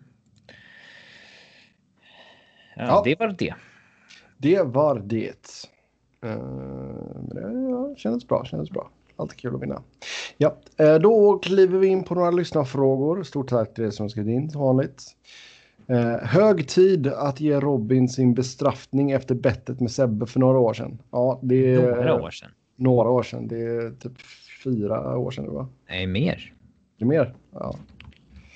Eh, men när hade sagt. sitt om sitt... Eh, när hade Arizona sitt så här kukår när de var svindåliga? Eh. Alltså extra dåliga. Alla år. Ja, jag Eh, kommer inte ihåg exakt. när det var, men- 15, 56 poäng på 82 matcher. Ja. mm, och då... Sa vi Jag att de, skulle vara, Vad var, vad var bettet? att de skulle vara sämre året efter. Ja, okej. Ja, det var de inte. Så att mina... Alltså bestraffningen borde ju som sagt vara det jag har nämnt ett par gånger här nu. Att du ska Twitch-streama när du bakar pizza hemma. Nej. Det, det är en ska jag bra fixa en kamera och... Nej. Vadå, Det är ju bara att köpa på mobilen för fan. Jag har en 3310. Det har du inte alls det. Du är säkert någon sån här iPhone-människa. Oh ja. Så, du, ja, så du ska ha bra, bra kamera Otroligt användarvänligt företag. Ja. Så det skulle du kunna klara av att Twitch-streama på den tycker jag. Det, det är väl det som eh, bör hända kan jag tycka. Sen så är det någon som eh, säger att Robin kan väl ge en 30 minuters analys av Minnesotas start på säsongen. Eh, Jag fick lite skit på mitt burner-konto på Twitter där jag sa att Minnesota var punching bag of the division. Att folk sa Ja. att det är de ju absolut inte. Alla Kalifornien-lag är sämre. Ehm. Och ja, alltså. Ja, det kanske de är. Men jag tycker att man får fan inte underskatta hur usel centersida Minnesota har och vad det gör alltså. Men visst, Ryan Suder är fortfarande jättebra. Jonas Brodin är fortfarande jättebra. Mm. Eh, de har ju inte riktigt någon toppmålvakt dock.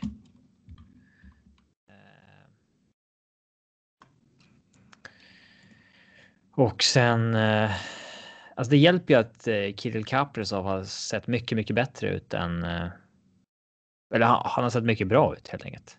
Ja, exakt. Eh, Och sen har du haft en sån kalasstart av Joel Eriksson Ek också. Ja, alltså någon måste ju spela första center. Alltså eller någon center måste ju.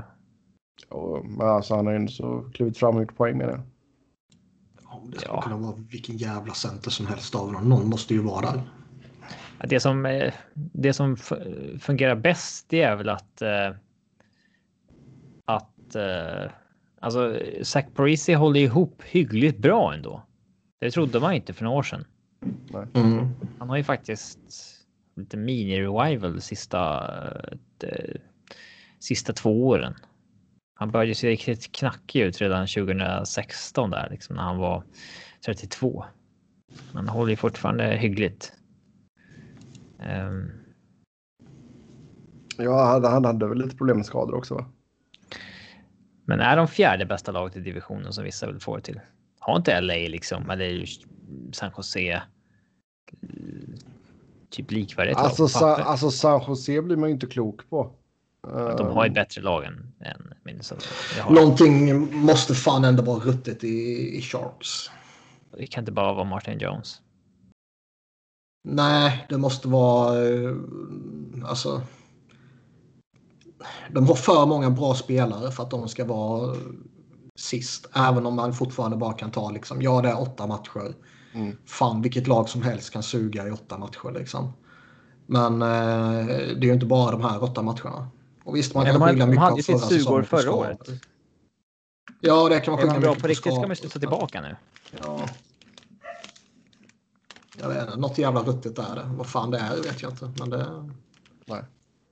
Det kanske är dags för um, regimskifte.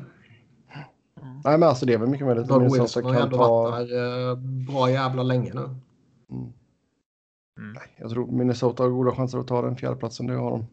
Men jag ser klart, det har vi sagt tidigare också, alltså, men det, det känns som att det är ett klart glapp där mellan topp tre och resten. Liksom. Eh, de är ju en, lite av en egen nivå där. Colorado, St. Louis och Vegas.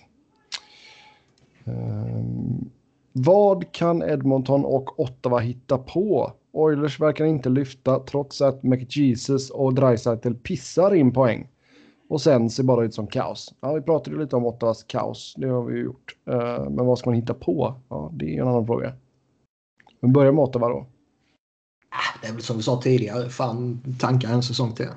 Tanka en säsong till. Trada det som går att trada. De har ju inget att välja på.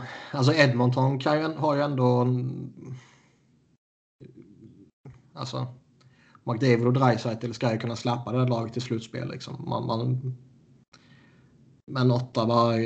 Det kommer ju inte räcka för att resten av laget är skit, men det visste vi om. Ja, men de har liksom ändå... De kan ändå ha ett slutspelsmål som är liksom inte orimligt. Ja. Men Ottawa... Det handlar ju bara om att utveckla ungdomarna och eh, fortsätta samla picks. Liksom. Ja.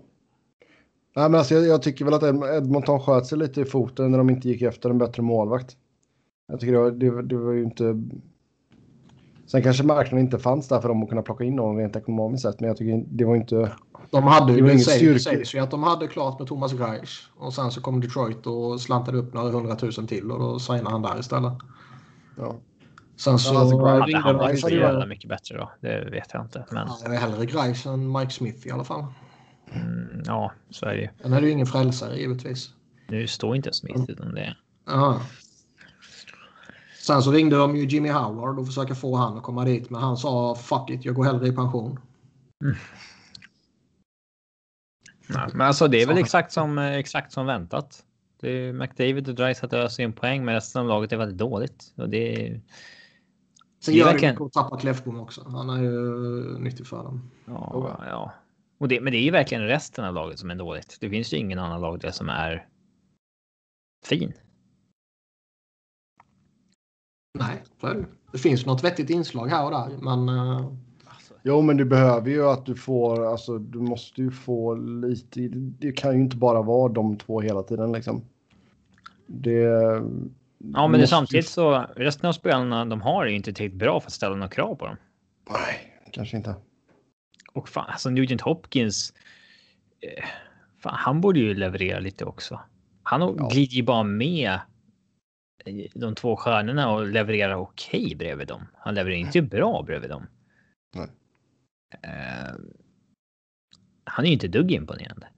Mm. Men liksom. Resten av laget är ju. Ja, visst, du kan väl ha Cahoon i din middle six, men det är ingen som är avundsjuk på att ha honom i din middle six. Cassie vill ingen ha. Yamamoto, ja, det är väl okej okay att ha honom. Eh, backsidan, ja, man kan väl. Eh, det är väl inte fy skam att ha Tyson Berry som sin etta på högersidan, Adam Larsson som sin tvåa och Evan Bouchard som sin trea. Men sen tittar du på vänstersidan där liksom William Lagesson och Chris Russell spelar. Ja. Nurse är okej, okay, absolut, men Det är, det är ingen lagdel som inte har sina problem. Nej, nej. Det är verkligen imponerande hur man bara kan slösa bort eh, liksom dels slösa bort de billiga åren på McDavid och Dreisaitl och sen så slösa bort de här eh, Prime när man, ja, när man rimligtvis får anta är deras prime-år. Mm. Tror ni att McDavid gör 100 poäng i år? Han är on pace för det nu. Nej, han kommer... Han är on pace för 112. Ah, man ser ju det varenda år att det är de första matcherna så är det alltså Rantanen var ju on pace för typ 300 poäng förra året. Ju. ja, inte ja. så kanske. Och sen så gjorde han typ 50 poäng. alltså han kan ju säga, jag tror säkert att han kan komma upp i 80. Och det hade varit, det tycker jag är en bra notering liksom. 85. Men 100 kanske är lite väl mycket att begära. 100 eller bust. Ja. Um, vad händer med Travis Green? Det är nästa fråga här och sen har vi även fått in en fråga om det. Ja. Vad sa du Robin? På tal om kaoslag. nu har de ju plockat upp Louis Eriksson igen. Mm. Mm. Frälsaren har kommit. Mm. Någonting det tre raka torsk. Ingenting som händer i Vancouver är Travis Greens fel. Laget är piss. Det är fan det är... Eh, Lag, laget är piss och det är Jim Bennings och, och de ovanför honom som har eh, gett honom eh, skräp att jobba med. Men eh, han bär ju ändå en liten del av skulden. Jag tycker ju det är lite väl kaosartat som det inte borde vara. Liksom. Men problemet är ju absolut på kontoret snarare än i coachstaben anser jag också. Ja. ja. Ja, för Travis Greens del så spelar det inte så stor roll vem det är som tjänar pengarna. Utan det är ju mer en eh, GM situation att Elias Pettersson och Quinn Hughes ska snart ha nya kontrakt och de har knappt råd att ge dem det för att de har så jävla mycket pengar på sitt djup. Mm. Ja. Uh, Eller utanför laget till och med. Nej, men alltså, man har ju en handfull intressanta unga spelare. Men det är som du säger, man har ju lagt alldeles för mycket pengar på djup som inte, som inte riktigt kan leva upp till de pengarna. Liksom. Det, man har betalat mer än vad det smakar. Man undrar ju om han kan bli första coachen och ryka. Ja, för vi fick in en till fråga här som också handlar om tränare och då är det, är det några tränare som ligger pyrt till och så hashtag Preds. Jag tror ju Travis Green tror jag absolut ligger nära till hans där. Vi, vi vet sedan tidigare att Vancouver från ägarsituation alltid har höga krav liksom och han har sista året på sitt kontrakt nu också. Mm. Jag tror mycket väl det kan vara en sån här faktor för vissa lag att man kanske inte vill sparka en tränare och fortsätta betala lön utan då kanske man eh, håller kvar lite längre än vad man kanske skulle gjort i vanliga fall nu under ja. corona ekonomiska verkligheten. Liksom. Absolut. Men, Nej, men alltså det är väl alltså i Nashvilles fall finns det väl ett case att göra där också kanske. Vilken jävla timing de hade ändå. Liksom. De sparkade Laviolette, vilket kanske var rätt beslut. Eller, det hade nog kommit till vägs ände där. Så tar man in John Hines och sen gick det typ en dag eller två och så kom Gerard Gallant på, på marknaden. Mm. Dålig timing. Man kan ju inte sparka John Hines dagen efter att man signade honom. Kan, kan man väl. Du, vi fick, vi fick aldrig skickat in det där faxet så att uh, ditt kontrakt är inte giltigt. Uh, så, ja, det är bara att du löser det nu då. Ja, men det... ja, det är så här att... Uh, att nej, men alltså annars så... Jag ser inte att... Jag men John Hines är ju en sån där coach känns det ju som. Liksom som att han, han, är väl, han är väl kanske en NHL-coach, men du vet i ett, i ett skitlag. Ja, men jag tror inte David Poyle. Alltså han byter coach var sjunde år. Ja. Det är så han jobbar. Um, inte för att glida ifrån um, Vancouver för mycket, men ja, vi kan väl göra det. Men uh, Nashville vad har hänt de senaste åren? Jag tycker ju inte ens de har gjort någonting dumt på pappret. Det mesta de har gjort på pappret har ju känts bra. Men liksom ingenting har fallit väl ut. Nej. Nej, så man, där har man ju haft oflyt. Absolut. Det var ju inte på pappret fel att vara med i den här trevägsstilen för Duchene. Det de gav upp var ju Sam Gerard och ett andrahandsval för Kyle Turris och då var ju det okej. Okay, liksom en prospectback som Gerard och Kyle Turris skulle ju vara den här 60 poängcentern i fem år. Mm. Det såg ut som en fin trade och äh, plocka in Duchene på som free agent. Det var också en jackpot. Och nu lever han liksom inte ens upp till sitt kontrakt år ett. Eller år två. Uh, Granlund skivade Fiala mot honom. Såg inte dumt ut på pappret heller. Fungerar bara inte när han dyker upp. Eh, Tolvanen och prospectsen de har haft lyfter inte. Ja, de har ett problem med att vare sig Tolvanen eller Dante Fabro verkar eh, lyfta liksom. Mm. Det är som det som det började bli med Haks backbesättning att när man när man har den här intakta topp fyran då funkar det. Men så, här, så fort en av de där typ byter ut Hjalmarsson mot Murphy och han inte är en riktig topp fyra back. Då börjar då har du helt plötsligt bara ett fungerande par. Då är det ju problem. Mm. Uh, ja. Nej, det är helt sant. Men det är... Nashville kan ju gå mot ett gäng mörkår alltså. Det är, mm. det är bara Filip Forsberg och Viktor Arvidsson som man är lite avis på att ha den där forwardsidan nu. Uh, resten är faktiskt rätt uh, skräp. Mm. Yes. Ryan Johansson uh, spelar ju som en um, fem miljoner center, inte en åtta miljoner center. Mm. Ja, men Nash, alltså Nashville, alltså om, om Poil frångår sina principer så visst, då kanske Heinz ligger pyrt till. Jag ser ju inte att Detroit gör någonting. Ser väl inte riktigt att San Jose gör någonting heller. Detroit, alltså. De vet ju att de suger. De kommer ja, inte. exakt. Eh, men för alla Blashill, han är hans sjätte år. Det går fort. Ja, jäklar. Så. Um, mm. Han måste vara en av de coacherna som har haft sitt jobb längst i ligan. Nu. Ja. Ja. ja.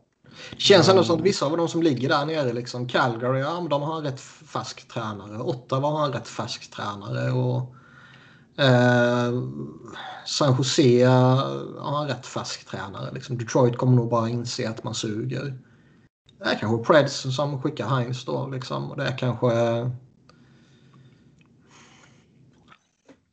Visst påverkar det att det är lite svårare? Nej, det är, li det är lite svårare att... Uh, lite mer krångligt att uh, hiva en coach i pandemitider ändå. Mm. Ja, nya coachen ska karantäna i två veckor innan Ja, exakt. Så, alltså, det blir lite mer struligt liksom. Oh ja. ja det beror ju på om du promotar... Oh! JVR! Ja, Fan vilken jävla säsongsinledning han har haft. Ja. ja. jag såg det när jag kollade in Flyers poäng. Eh, ja, poängliga. Mm. Shit, han har ju levererat i år. Ja, han har varit bra han. Mm. Um, inte, inte bara att han har producerat utan han har varit bra liksom. Ja, trada nu. Trada. Um, det hade du gjort på stört om chansen dök upp nu då. Att han... Mm. Ja, det beror på. Jag, jag tradar han inte. Han bara för en liksom man vill ju ha någonting för honom nu. Ja, nej, vi ska inte diskutera potentiellt. Nej, nu ska vi inte kuppa in flyers här. Det var, um, ja, det var ni. Ja, ja. Uh, ska vi se här nu. Nu ska vi läsa den här frågan. Men uh, ja. alltså det, sparkar man coachen nu så kanske det är många som promotar internt bara. Mycket möjligt. Mycket, mycket möjligt. Ja, uh, Okej. Okay. Jag bara läser den här rätt av. Har ni sett till hur starten av ligan har varit omvärderat den kommande expansionsdraften och tror ni att lag kommer försöka skeppa spelare vid deadline mer än vid Vegas-draften? På tal om det vi nyss pratade om. JVR, alltså. Man undrar ju hur en spelare... Kan ni den, nu kan ni fylla i den bingobrickan folk. men, men, eh, nej, men det behöver inte vara just specifikt honom. Det, det kan ju vara liksom eh, andra spelare i ligan också. Som man kanske eh, under off-season kände som att ah, men han är nog liksom han kanske inte blir plockad men de kommer nog exponera honom och, och liksom inte vara jätteskraja om man tappar honom. Nej. Men hur mycket kan man svänga på om han har en bounceback-säsong nu? Eller en annan likvärdig. Det behöver inte vara en JVR-diskussion det här. För jag menar det... det... Ja, men det är klart att det kommer sticka upp någon spelare som man trodde absolut skulle vara exponerad inför säsongen. Mm. Det är klart att det kommer hända. Liksom. Någon kommer ju ha någon... Men hur mycket ska man, värdering ska man lägga i det? Liksom? Vad är sannolikheten för att en vad är han, 31 eller 32-årig JVR på sina återstående, eh, vad har han efter detta, två eller tre år? 2023. Ja, kommer fortsätta vara en eh, 30-ish målskytt som han har varit under stora delar av sin karriär. Ja, vad fan du. Oh, nu hamnar vi på det här ändå, men även om han är bra. Även om han gör 30 mål när du ska börja betala Fairby de här så kan du inte sitta och dega 7 miljoner till honom. Nej. Nej, alltså det är väl något om något. Alltså just alltså att den ekonomiska biten kommer att spela in jäkligt mycket tror jag. Um... Men det är lite det jag menar, för jag, jag tror liksom ändå att flera lag eh, eh, man går ju inte in i den här säsongen och man kanske inte ens gick in i förra säsongen utan liksom planer eller tankar eller scenarion inför expansionsdraften. Eh, och, och liksom bara slänga de planerna åt helvete för att en spelare råkar vara bra nu. Alltså det är jämförbart med, med liksom ett career year på ett contract year. Ja, oh ja. Alltså att helt plötsligt så ska man bli eh, kontraktslös och då producerar man sin bästa säsong.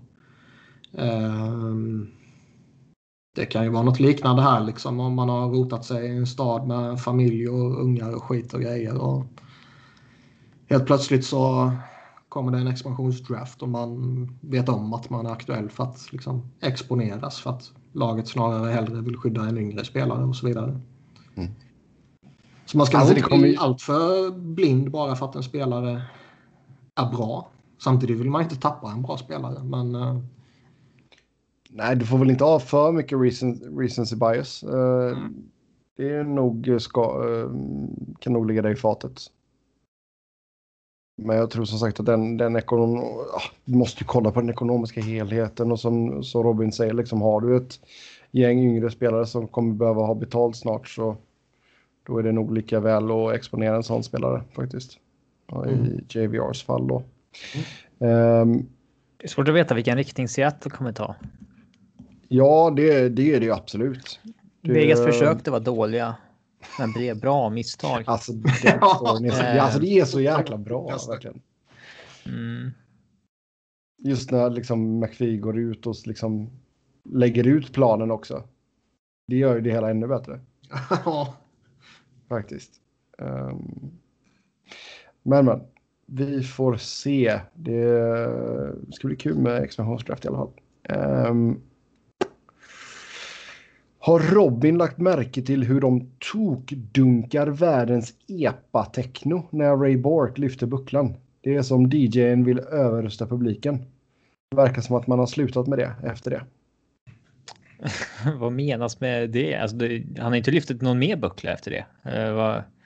Nej, men alltså att man inte kör alltså världens högsta musik. Uh, när det, det gör de väl i alla NHL-arenor? Pumpa musik sin i helvete. Ja. Ja, men just när, någon, när det är dags att lyfta bucklan liksom. Um, jag har aldrig reflekterat över det om man har tittat på det där klippet tusen gånger. Jag kollade på det nu faktiskt och då, då tänker man ju faktiskt på det.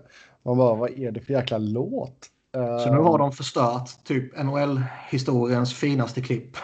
ja. epa-techno också. Det är... Undrar om det finns någon epa-techno-playlist på Spotify.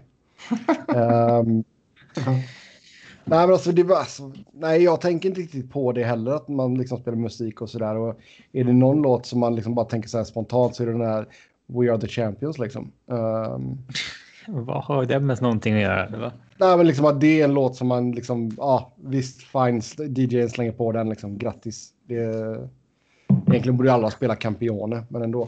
Uh, ja. Det borde Faktiskt. vara som med mållåtarna, att man får välja vilken låt som kommer när man själv tar bucklan. Ja, exakt. Ja, det är, det är också lite intressant. Hade man tagit det... Jag är en fattig bonddräng med Tommy Körberg. Ja, det var ju till, till och med pressen här borta har ju snackat om Hedmans uh, mållåt här nu. Um, men det är ju inte alla lag, det är ju tyvärr så är det ju inte alla lag som kör att de får köra egna mållåtar. Det är trist. Ja, faktiskt. Jag, det, jag vet inte. Jag, jag har aldrig någonsin när jag varit på en, på en match eh, reflekterat över vilken låt som spelas när det har blivit ett mål. Men du jag gått, tänker du aldrig på... någonsin på det när man tittar på tv. Jag fattar tänk, inte varför det är en stor tänk grej. Tänk det där vet du, Smokey kommer på och du bara åh. Ja, det är mycket möjligt att jag har spelat Smokey tusen gånger men jag har aldrig hört det. Ja. Ja, det konstigaste med NHL är att de har goal horns. Vem fan vill höra en jävla tuta som bara går när det blir mål? Vilken jävla idiot vill höra en kanonfan? Men det är ändå så här. Ja, ja, det är deras grej. Men vem fan, alltså varför är det så här enhetligt att alla vill höra en tuta som bara tutar? Ja, jag håller med. Ja. Montreal hade ju den här LA, Montreal, LA, Montreal, LA, Montreal. Den var ju bra, men de ska ju insistera på att ha den här jävla tutan för ändå. Mm. Ja. Får göra en djupdykning där och fråga, kolla varför tutan har hängt med så länge som de har gjort. Um... Why are things like they are in America? Ja, exakt. äh, rapporten blir lite lång. Ja, exakt. Eh, underskattas det inte att man lär sig att vinna rätt mycket idag. Känns som att i princip alla lag som går hela vägen, gått på både en och två minor på vägen. Är en contender-status något man ska förtjäna över en längre tid eller är det mer slumpartat? Menar att man väldigt snabbt målar upp lag som gör det bra till contenders och även om det givetvis kan hända att det vinner så brukar det oftast kräva två till tre långa slutspel för att gå hela vägen. Borde man ta det lite lugnt med lag som nyligen blivit bra? Alltså, jag ger inte mycket för det här lära sig att vinna. Det... Du ska förlora är... i fjärde övertiden i Game 7 för att lära dig att vinna. Ja, det känns som lite old school romantiserad bild av liksom hur det ska gå till när man vinner för första gången. Ja. Uh... Jag tror mycket av det grundar sig i, uh, jag tror det är är det Gretzky, va? Ja, det är väl eh, Edmontons första steg mot Islanders, va? Ja, de förlorade någon final va? Ja, de förlorade mot Islanders innan. Mm. Är Islanders sin streak innan. Sen ja, så... exakt. Och då, är över. Så. Då pratar ju Gretzky. Jag tror det är Gretzky. Det kan vara Mark Messier. Men jag har för mig det är Gretzky. Då pratar han ju om att liksom. Och så gick vi förbi deras omklädningsrum och såg hur jävla sönderbankade de var. Och då förstod vi vad som krävdes. Uh, det, det har ju blivit lite mytomspunnet liksom. De firar inte ens för att vara så jäkla trasiga. Eh, jag tror väl det kan ligga någonting kanske i att man liksom man kan behöva lära sig vad slutspelshockey är för någonting. För det är ju alltså man kan ju kalla grundseriehockey och slutspelshockey för två olika idrotter. Jo, men det är inte så att du behöver gå till konferensfinal tre år innan du ska Nej. ses och vara en contender liksom. Mm. Att man lär sig att vinna liksom. Det... Däremot kan det vara så att ett, ett bra lag liksom uh, blir kanske inte jättebra direkt utan man kanske blir bra och så är man bra och sen så går det ett år eller två eller tre innan man blir jättebra. Ja, att det är ja alltså, sen alltså ibland kan du bara ha alltså oflyt. Det, det är svårt att vinna här. Alltså, ja, det är skitsvårt. Jag menar, kolla, kolla bara på ta, alltså Tampa då, när man hade den jäkla monstergrundserien och sen ryker, eh, liksom blir svet av Columbus liksom. Det... Ja, eller Caps.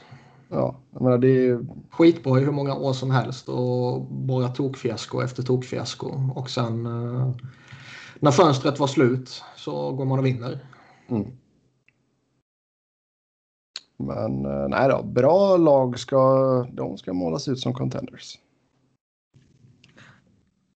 Ja, jag tror inte man måste göra sina hundhår i eh, konferenssemifinalerna innan man vinner. Uh, mm. Sen har man ju oftast varit där innan man vinner, men det är väl mer att alltså man är ju. Man är ju bra i flera år sen att man ska just vinna första året man är bra. Det, det är väl ganska osannolikt, men inte för att man automatiskt. Uh, lär sig att bli bättre på att vinna utan att ja, har du 20% chans att vinna fem år i rad så. Det är det kanske mer troligt att du vinner år tre eller fyra. Mm. Ja, Eh, vilka tre rookies har börjat bäst enligt er? Tidigt tips på Calder Trophy. Ja, måste man rangordna på vilka som är rookies. Ja, det får vi ta och göra. Hur gör man det på den här jävla skitsidan? Om vi tittar på eh, Kan vi göra det på EP Kirill, Kirill Kaprizov etta. Kan man göra det på EP? Drafted? Nej. Vet jag premiumfilter. Så, åh, Johan! Tänk om man lyssnar ja. nu och vet att ja, det kan man. Du behöver ju ja. fan bara liksom. Du behöver bara klicka i en knapp. Ja. Man kan fylla i ages. Men om vi tittar på poängligan så är Kirill Kaprizov etta med nio poäng. Han måste ju vara tidig Han är ett manchild, men. Um, sen har du Ty Smith, Pios Sutter, Nils Höglander, Filip Kurashev och Tim Stützle. Visst har de senaste årens rookies varit lite av en besvikelse. Det har inte varit de här uh, Eichels, McKinnon, McDavids, Matthews. Quinn Hughes var ganska bra. Ken McCarr var ganska bra. Ja, men alltså jag menar ju de höga draftvalen. Som kan Jack var ju och... liksom, lyfte ju inte ur sig rookie år och Capo Caco har ju liksom inte lyft och Lafreniere har ju liksom inte gjort. Ja. Vi har ju varit vana innan dess att uh, de har klivit in och dominerat. Mm. I princip. Nej, men alltså, ja, Kaprizov är väl ganska ganska safe bet tror jag. Frenier har en poäng på tio matcher. Mm. Matchvinnande mål i övertid. Jo, oh, Fast det, någon kommer väl komma som en raket sista 30 matcherna också som liksom. Men vet, kanske blir Bowen Byron liksom. Ja. Det, men han tänker man inte på nu. Nej. Mm. Nej, men annars alltså Kaprizov känns väl ganska Kapus har given favorit. Jag tycker Ty Smith har gjort bra uh, avtryck. Uh, Höglander på en kanadensisk marknad kommer ju hypas mycket om han oh, fortsätter ja. producera. Tim Stützle oh, ja. på uh, även Ottawa suger kommer liksom fortsätta hypas på en kanadensisk marknad. Ja, alltså han kommer behöva göra. Jag tror det kommer behövas göra att han gör lite mer än de andra kanske ändå, även fast han är en kanadensisk marknad. Han har gjort sex lag... poäng, fyra mål på åtta matcher. Ja. Det är rätt så okej. Okay. Jo, ja. Ja, men Kaprizov har ju lite, alltså han har ju en flashig spelstil också. Det hjälper också såklart. Så är det ju. Det gör det. Eh, så det är väl vårt tidiga tips här i alla fall. Um, sen har det är ju faktiskt så ja. att eh, Igor Shesterkin är ju rookie också. Mm. Ja, och eh, beroende på vad som händer med Rangers så eh, kan han nog mycket väl vara aktuell tror jag. Mm. Ja. Har inte coaches challenge tagit bort mycket av upphetsningen när det görs mål? Så fort det blir mål sitter man bara och väntar på att det ska hitta något reviewable från tre minuter sedan eller något. Så måste man sitta igenom reviewen innan det ska dömas mål. Kasta skiten. alltså nu är man så hemma då hur, hur otroligt mycket mer illa det är i fotbollen. Att, uh... ja, jag tänkte säga det. Jag stör mig inte på det i, i, i hockeyn egentligen. Det är, det är bara om man ser liksom någonting uppenbart som man liksom sitter och oh, kommer det där verkligen godkännas liksom. Ja. Men visst är det inte lika mycket som det var för tre år sedan heller? Alltså att... Eh... Det alltså de var, jäkligt glada, vi... de var jäkligt glada med det i början alltså. Ja, men för tre år sedan så var det ju fan otroligt mycket challenges på eh, goal interference. Mm. Som liksom. Och sen så alla bara gett upp för det är ingen som vet. Ja, men du vill inte riskera att få en utvisning genom att Nej, challengea. Nej. Um... Men det är ju fortfarande ett mysterium vad som är goal interference. Ja. Och sen, men... jag, tycker, jag tycker alltid det är roligt när du tweetar om eh, back, ja, framförallt backar som puttar in motståndarspelare i sin egen målvakt. Ja, det och då det också blir lagt och ska spöa honom. Ja, det var ju någon, eh, vem fan var det? Någon jävla Buffalo-sopa som köttar in Provorov i eh, Carter Hutton.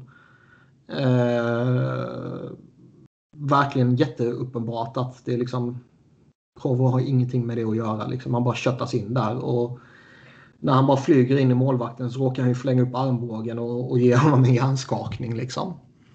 Och sen flyger han in i, i målburen och när han ligger i målburen så ska han ju få stryk av den här backen. Liksom. Ja. Jag fattar, alltså. Är man, går man in i sin sån jävla dinosauriehjärna så fort man kliver ut på, på isen att man inte inser vilken oerhörd skaderisk man utsätter sin målvakt för?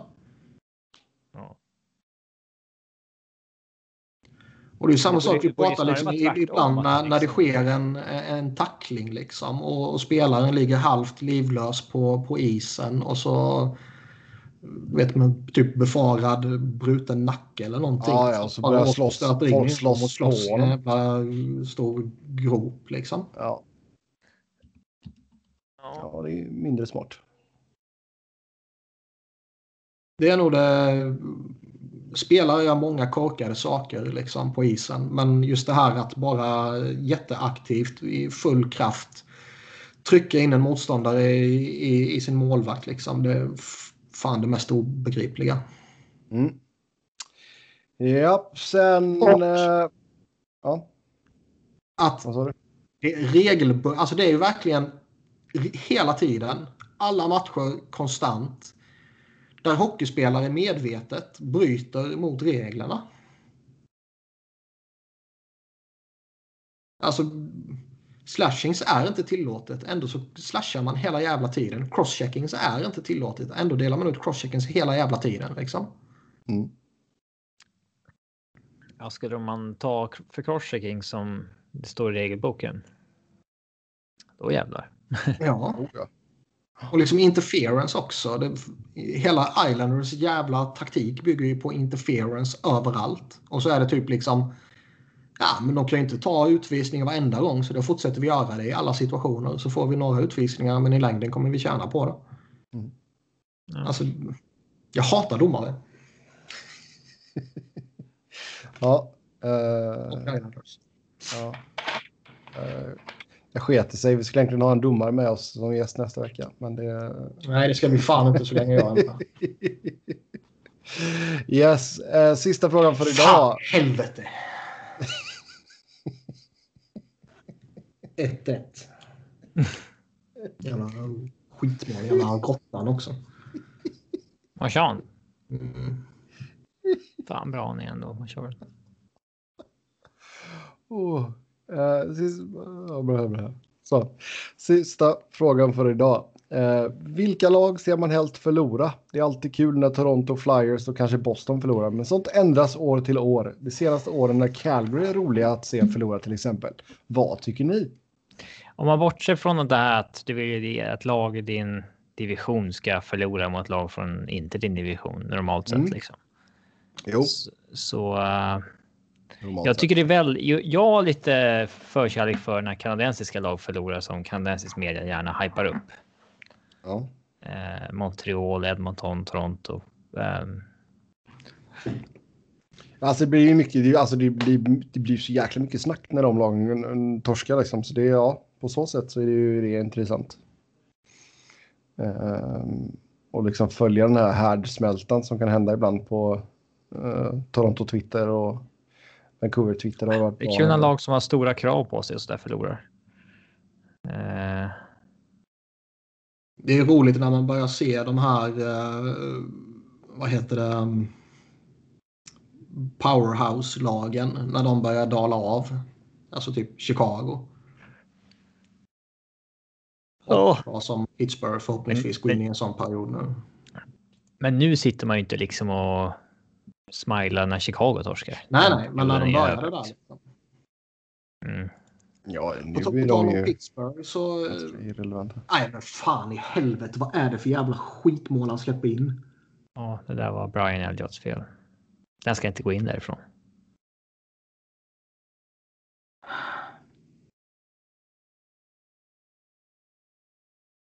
Det är ju skandal. skandal. Ja, men titta på honom för helvete. Ja, därifrån ska inget skott gå in. Det ska det inte. Det är dagens hockey. Han missar ja. bara pucken med plocken. Så där. Då lär det bli livat på Flyers Twitter här nu då. Mm. Ja, på Flyers är ett lag man gärna ser torska. Man följer ju. Man följer ju många Flyers supportrar. Ja. Yes. Uh... Det är det alltså. Mm, nej, men jag tänkte säga det. På tal om Pittsburgh där så är det ju snack om att de vill ta någon okonventionell GM.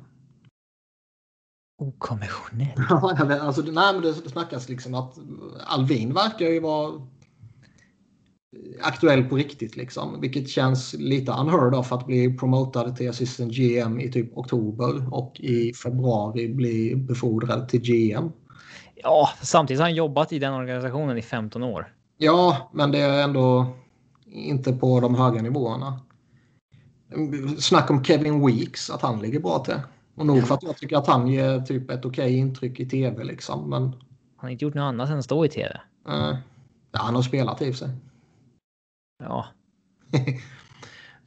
um, sen är det ju några som uh, redan har... har ju fått tillåtelse att intervjua Ron Hextall av uh, Kings. Mm. har fått tillåtelse av Colorado att intervjua Chris McFarland som sägs vara liksom... Hjärnan. Skulle vara roliga med Seth McFarland eh, hjärnan bakom allting i Colorado medan Joe Sakic är mer ansiktet utåt. Eh, jag har väl alltid haft tanken att om det där, om den dagen kommer så kommer Sakic promota sig själv till president of Hockey Ops och liksom låta McFarland ta över som GM. Lite som... Eh, Man såg ju Rangers nu. De lyfte ju Chris Drury till Associate General Manager. Ja, han har ju det är lite som när Jim fick vara co-manager i The Office. och alla som jobbar där ändå vet att ja, men det är Michael som bestämmer. eh, lite så. Mm. Eh, någon kör day to day och någon kör big picture. Mm. Ja. Kul om de skulle faktiskt gå ut med den eh, eh beskrivningen också. Ja. Att, eh, eh, för det, det är ju typ som man skulle dela upp det. Men, ja, det är ju bara att lägga ut uh, klipp från The Office. Liksom. Så här kör vi.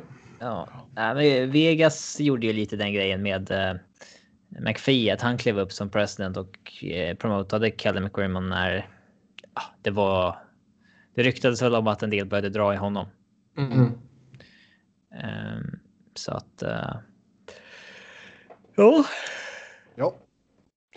Nej, vi får se vad som händer med Pittsburgh där vore kul med Alvin. Att, ja, eh, herregud. Det har varit intressant att se. Det är ju ett jävla intressant jobb för även om det blir nu eller om det blir eh, om ett par, tre år bort kanske så känns det ju ändå som att om, om inget oförutsett sker så är det ju den nya deras nya GM som ska liksom montera ner det här mästarlaget. Liksom. Mm. Mm. med en eller kanske till och med två stycken generational talents. Det känns inte som att man får ta mycket beslut själv där. Uh, Alvin uh, kommer väl i så fall agera. Han kommer vara en puppet ju. Ja, Mario Lemieux bestämmer att ja, vi ska fortsätta vinna. Mm. Eller okej, okay, nu ska vi montera ner. Ut, alltså mera utför planen än sätta planen. Mm. Ja. Det ska ju bli spännande att följa Ron Hextall om han hamnar där. Alltså. Han var ju bra på att montera ner i flyers och vänta ut. Liksom. Eventuellt bygga upp också. Det är, det är inte jättemycket av det där laget som är Chucks lag. Nej, så är det ju. Och jag kommer aldrig förstå varför Ron Hextall valde att dö på Dave Hextall-kullen för. Han ville väl ge det ett år till bara. Eller någonting, ja, ja men, men liksom att man var så eh, blind inför liksom vad ens chefer förväntade sig och ville liksom att man dör på den kullen och sen får man sparken på grund av det. Liksom. När bevisligen tittade han ju på matcherna. Liksom. Mm. Men han är ju duktig på, på liksom... Ja, det mesta han gjorde i Philly var ju bra. Alltså både ja, han är duktig på att riva ner och bygga upp. Liksom. Sen tog han inte det där sista lilla steget. Liksom. Och man såg ju inte honom, eh, liksom, nu jävlar ska vi gå för det. Nu ska vi liksom maxa ut de sista åren på Giroud och Voracek på, på liksom ett sätt som han rimligtvis kommer få direktiv att göra med Crosby och Malkin. Liksom. Oh, de går inte att jämföra alltså. Nej, jag jämför inte dem så, men det är liksom ändå lite att uh, många tyckte ju att man skulle växla upp redan. Man blev otåliga helt enkelt. Man bytte GM liksom. Och det finns väl tendenser på att man skulle kunna göra det. Men uh, i Pittsburgh skulle man bli jätteförvånad om Ron Hextall kommer in och får liksom direktiv att riva ner det här. Ja. Alltså det, det, kommer man in i Pittsburgh så måste det ju vara för att man liksom ska göra en sista push. Om det sen är ett år eller om det är treårsperiod eller femårsperiod. Det, det beror väl på vad som händer med Crosby och Malkin såklart. Mm. Men, det behövs inte så jävla mycket alltså. Du behöver hitta rätt partner till Malkin, du behöver hitta rätt partner till Crosby. Eventuellt ett stort fynd på backsidan. Sen är du ju faktiskt där. Och en av partnerna till Crosby och Malkin är ju liksom Günzel. Kan du då ha liksom fixat så att du har två producerande kedjor? Du behöver liksom bara en gubbe till egentligen som en homerun och det här backfyndet. Vilket du bör kunna hitta med eh, lite bra analytics liksom. Uh, De måste ju träffa målvaktssidan också. Ja, Tristan Jari. Ja, det borde, det, det borde funka tycker jag. Ja. Mm. Då tar vi och säger tack och hej för den här gången. Som vanligt ska ni köra hockey med oss via Twitter. Mig hittar ni på 1 Norden. Niklas på ett Niklas Wiberg. Niklas med C. Wiberg med enkel V. Robin på R underscore Fredriksson och podden på SV Fans NHL-podd. Podd med ett ja, Det är en viktig powerplay här. Två minuter. Tills nästa gång. Ha det gött. Hej.